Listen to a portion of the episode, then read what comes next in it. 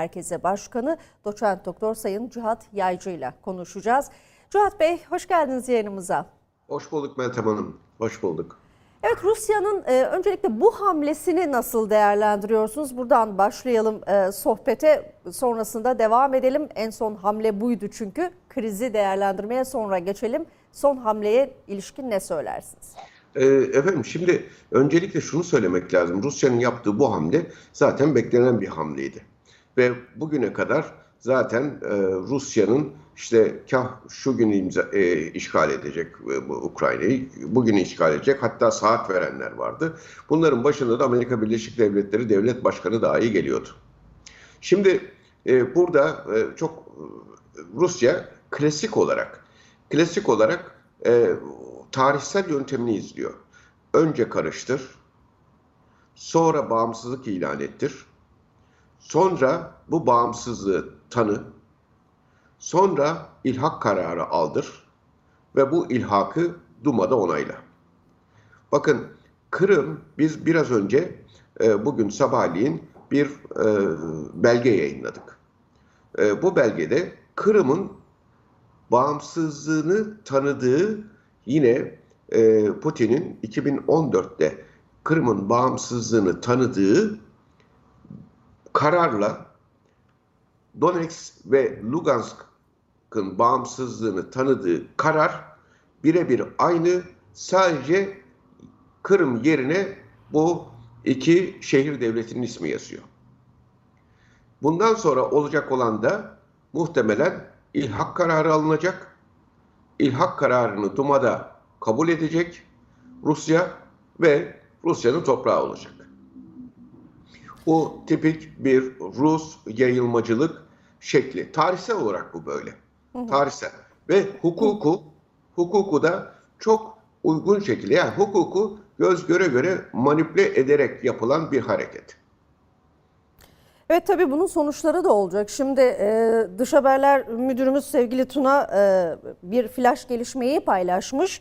E, Alman şansölyesi Schulz'un e, açıklamaları Rusya'nın son adımlarının ardından Kuzey Akım 2'ye ruhsat verilmesi artık imkansız demiş Alman şansölye. Tabii Rusya bu adımları e, tarihsel olarak da e, bir politikası, yayılmacı politikası dediğiniz gibi ama bunların sonuçları olacaktır. Ne, ne söylersiniz? Hemen sıcağı sıcağına değerlendirelim Alman şansölyenin bu değerlendirmesini.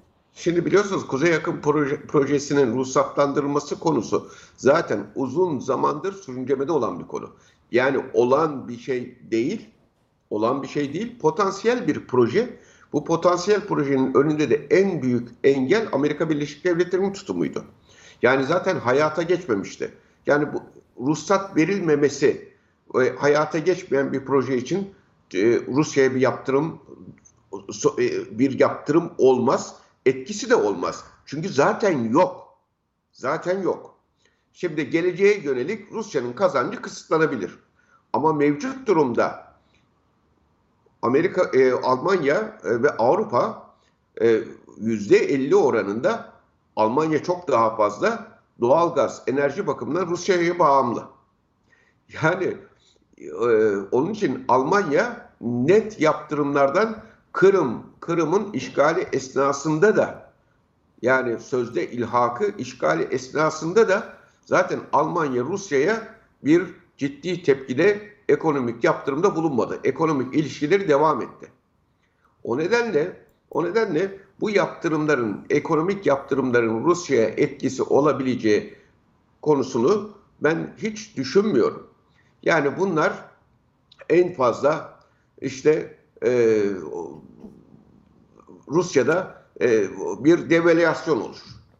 Devalüasyon olur. Rus parası, e, rublesi değer kaybeder. Onlar yaşanmıştı 2014'te, 2013'te. Şimdi de bu olur. Ama e, Rusya'ya bu ekonomik, ekonomik yaptırımların Rusya'ya diz çöktürebilecek şekilde bir etkisi olması mümkün değildir. Çünkü dünyanın üçte bir doğal kaynağı bu ülkeden çıkmaktadır. Rusya'dan çıkmaktadır. Aslında Rusya'nın elinde şu anda Avrupa'nın sanayisi Rusya'nın elindedir. Doğalgazı kestiği an ki Rusya kendi imkanlarıyla yaşayabilecek bir devlettir. Ee, Türkiye'nin 28,5 katı büyüklüğündedir. Nüfusu ancak 142 milyondur. Ve doğalgazı kestiği an Avrupa sanayisi durar. Durur. E, O, o bakımdan efendim diplomatik yaptırım hiçbir şey fark etmez. Ee, ekonomik yaptırım Rusya'yı kesinlikle diz çöktürmez. Bu ekonomik yaptırımların ya da diplomatik yaptırımların Rusya'ya diz çöktüreceğini düşünenler ya gerçekleri bilmiyorlar ya da Rusya'yı tanımıyorlar. O bakımdan e, Rusya e, alacağını alıyor ve ortada aslında Meltem Hanım çok önemli bir konu var. Bu bir e, denizi tabiriyle kayıkçı kavgası. Bakın e, Amerika Birleşik Devletleri, İngiltere ve Kanada. Bu üç devlet Ukrayna'yı teşvik etmişti. Şimdi Ukrayna'yı teşvik etti fakat bu kriz geliştikçe arttıkça vatandaşlarını boşaltan, tahliye eden, diplomatik misyonlarını tahliye eden, askerlerini tahliye edip hiçbir asker bırakmayan da bu üç devlettir. Batı'nın ipiyle Amerika Birleşik Devletleri ve Batı'nın ipiyle kuyuya inmiştir Ukrayna. İp, ipini de iplerini indirdikleri ipi de Ukrayna'nın tepesine atmışlardır kuyuya. Ukrayna kuyunun dibinde ipiyle baş başa kalmıştır. Şu andaki durum maalesef Ukrayna için böyledir. Ve olaylara aslında şöyle bakmak lazım. Bakın biraz önce siz hemen e, biz konuşmaya başlamadan önce e, ulusal sesleniş konuşmasından bahsettiniz Putin. Hı hı, evet. Oraya birazdan geleceğim. Oraya Evet. birazdan geleceğim Cihat Bey ama şimdi Rusya-Ukrayna krizini genel çerçevede baktığımız zaman e, akıbeti ne olur? Bu kriz nereye gider? Nereye varır? Evet, bu kriz şöyle. Bir kere Kırım fiilen gitti. Donetsk ve Lugansk fiilen gitti. Ve e, onlar e, Rusya ve oradaki ayrılıkçı güçler yani ayrılıkçı güçler buna da bir hukuki zemin oluşturdular kendilerince. Şimdi bundan sonra olacak olan husus şu. Batı Batı ve Amerika Ukrayna'yı yalnız bıraktı. Bakın çok komik bir şey söyleyeyim size. Almanya Ukrayna'ya destek için ne gönderdi biliyor musunuz? Yani şaka gibi. 5000 tane miğfer. 5000 tane miğfer. Evet. Yani kafanıza miğferleri takın kendinizi koruyun dedi. Koruyun o da dedi. 5000 kişiye. Yani bu gerçekten şaka gibi. Bu bu şunu gösteriyor. Gerçekten bir kayıkçı kavgası var. Anlaşılmış. Ukrayna Rusya'ya teslim ediliyor. Karşısında hiçbir güç yok. Hiçbir batılı güç yok. Hiç kimse yok. Ukrayna gidiyor. Şimdi bundan sonra ne olur biliyor musunuz? Bundan sonra Odessa Odessa'ya da sarkarsa ki Rusya ki. Putin'in konuşmasında Odessa işareti var dikkat ederseniz. Odessa'daki sivilleri gösterilerde bulunan sivilleri öldürenler, canlarına kıyanları biz biliyoruz. Eziyet edenleri biliyoruz ismen. Bunlardan hesap soracağız dedi. Eğer Odessa giderse Ukrayna'nın kıyısı kalmaz. Karaya kitli bir kara devleti olur. O zaman o zaman ondan sonrası da şu. Rus e, Ukrayna'da biliyorsunuz ikinci parti Rus yanlısı bir partidir. Hı hı. Ve yüzde 40-45 arasında oyu vardır Oyu var. ve mecliste de böyle te- temsil edilmektedir. Şimdi muhtemelen bu işgallerden sonra Zelenski ya indirilir ya istifa eder. Yerine Rus yanlısı partinin lideri gelir ve Rus Ukrayna bundan sonra Rusya'nın müstemlekesi olur. Ukrayna Rusya'ya terk edilmiş gözüküyor. Bunların hepsi bunların hepsi tamamen bu yani anlamsız bunu bu- bunu bilenler zaten görüyor. Batı'nın gösterdiği tep, bir tepki yok. Yani top Lugansk ve e, Donetsk iş- işgal edildi. E, askeri birlikler girdi. Bizim oradaki kaynaklarımız da bizim TÜPTEKS'in kaynakları da aynısını söylüyorlar. Şu anda Rus askerleri içeride. Cihat Bey bir de e, sözünüzü kesiyorum ama şöyle bir durum var. Hani bırakın desteği bizde bir tabir vardır. Ateşe körükle gitmek e, diye. e, öyle bir politika izlendi Amerika ve e, batılı ülkeler tarafından. Sadece yapıcı olarak yaklaşan Türkiye'ydi. Evet. Ama Türkiye bu saatten sonra e, ne kadar etkili olur veya etkili olur mu? Şimdi Türkiye bir kere hep barış, istikrar ve güvenlikten yana olmuştur. Bakın hakikaten biz çok insancıl bir milletiz ve o kadar da hümanist bir devletiz. Ve biz sadece barış istiyoruz. Bugüne kadar da hep barış istedik. Hep barış istedik. Şimdi Türkiye'nin ara buluculuk, ara buluculuk teklifi vardı biliyorsunuz. Fakat Rusları tanıyanlar bilir ki Ruslar asla ve asla ara buluculuğu kabul etmezler. Hiç kimseyi de ara bulucu olarak tayin etmezler. Ruslar bir şeye karar verdi mi yaparlar. Yani yaparlar ve ara buluculuk diye bir mekanizmaları onların Rus diplomasisinde yoktur. Rus diplomasisinde yok. Bizim burada yapacağımız şey şudur aslında. Biz Ukrayna ve Rusya arasındaki meselede insanların ölmemesini, insanların eziyet görmemesini istemeliyiz. Böyle işgal girişimlerine kesinlikle hoş bakmamalıyız, onaylamamalıyız. Bunu bir şekilde bunu normalleştirmeye çalışanlara karşı tepki göstermeliyiz. Ama biz ne Rusya'yla ne de Ukrayna ile ilişkimizi bozmamalıyız. Çünkü öncelikle bizim menfaatimiz ve milli menfaatlerimiz önde.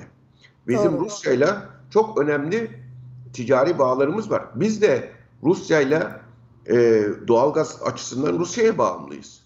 Ve Rusya ile bölgede birlikte hareket ettiğimiz birçok konu var. Bugün Türk Cumhuriyetlerinde, Orta Asya'da biz Rusya ile beraber hareket etmek mecburiyetindeyiz. Yani o, o bakımdan bir, e, bir başkasının e, herkesin yalnız bıraktığı bir durumda bizim Rusya'ya karşı bir yaptırım uygulama gücümüz de yok zaten. Onu da söyleyelim. Evet. Yani Bu arada süremiz daralıyormuş Cihat Bey. Arkadaşlarım uyardılar ama son olarak şunu da hemen sormak istiyorum. Ee, Rus lider Putin dün akşamki tarihi konuşmasında 18. yüzyılda Karadeniz kıyılarının Türkiye ve Osmanlı'ya karşı kullanıldığını söyledi. Kırım'ın kendi kararını verdiğini belirtti Putin. Rusya'ya karşı Amerika'nın Kırım'da bir altyapı oluşturmak istediğini belirterek geçmişte de 18. yüzyılda Karadeniz kıyıları Türkiye ve Osmanlı'ya mücadele alanı olarak kullanılmıştı dedi. Şimdi bu ismi yok etmek istiyorlar e, ifadelerini kullandı. Bu sözlerine e, ne söylemek istersiniz? Evet, şimdi İngiltere İngiltere'nin tabii birçok etkisi oldu 17 18. yüzyılda ve 19. yüzyılda Öz- e, Kırım Savaşı oldu biliyorsunuz. Kırım Savaşı'nda işte Türkiye'nin ilk defa yanında müttefikleri oldu ve işte Türkiye ilk defa kredi al- aldı. Krediyi bu Kırım Savaşı neticesinde aldı falan ama Ru- e, Karadeniz gerçekten Karadeniz yabancılar tarafından, başka güçler tarafından hem Türkiye'nin birlik bütünlüğüne karşı kullanıldı hem de kıyıdaş devlet olan Rusya'nın birlik bütünlüğüne karşı kullanıldı. E, bizim de Rusya ile tabii 13 tane savaşımız var böyle belli başlı. Biz sürekli savaş savaş da yapmış bir devletiz. Ama şunu söyleyeyim Meltem Hanım. Dünyada şu karar verilmiş gözüküyor. Bakın bu e, Putin'in konuşmasından da belli, Kazakistan'daki olaylardan da belli. Dünya iki kutuplu bir evreye e, e, dönüşüyor. İki kutuplu dünya oluşuyor. Üçüncü bir kutup yani Çin'e Çin'in bir kutup olmasının önlenmesi için. Bu anlaşmalı bir dönüşüm. Kazakistan'a Rusya müdahale etti, kimsenin sesi çıkmadı. Kolektif Güvenlik Anlaşması örgütü eski Varşova Paktı'na dönüşüyor. Ve e, Putin de bugün Sovyetleri özlediğini ve Sovyetler ilkelerine dönülmesi gerektiğini söyledi dün akşam Doğru. biliyorsunuz. Yani ve bu bu alınmış bir kararın Batı ile birlikte alınmış bir kararın Çin'e karşı birlikteliğin bir sonucudur. Bugün Ukrayna ve Kazakistan gidiyorsa Çin'e karşı birlikteliğin karşısında verilmiş tavizlerdir bunlar. Onun için onun için çok dikkatli olmak lazım. İki kutuplu dünyaya doğru evriliyor ve kut- diğer kutup yeni, bir Sovyetler Birliği gibi Rus Birliği, Rus e, işte müstemlekelerinden oluşan bir birlik oluşacak ve bizim hemen yanı başımızda oluşacak. Biz yine Soğuk Savaş'taki gibi bir cephe ülkesi durumuna dönüşme durumumuz var. Milli menfaatlerimizi önde tutmalıyız. Çok doğru. E, Cihat Bey çok teşekkür ederim. E, çok değerli e, görüşlerinizi, değerlendirmelerinizi bizlerle paylaştınız. Ağzınıza sağlık diyelim. Önümüzdeki günler nelere gebe hep birlikte e, konuşup değerlendiriyor olacağız. Tekrar tekrar teşekkür ediyoruz.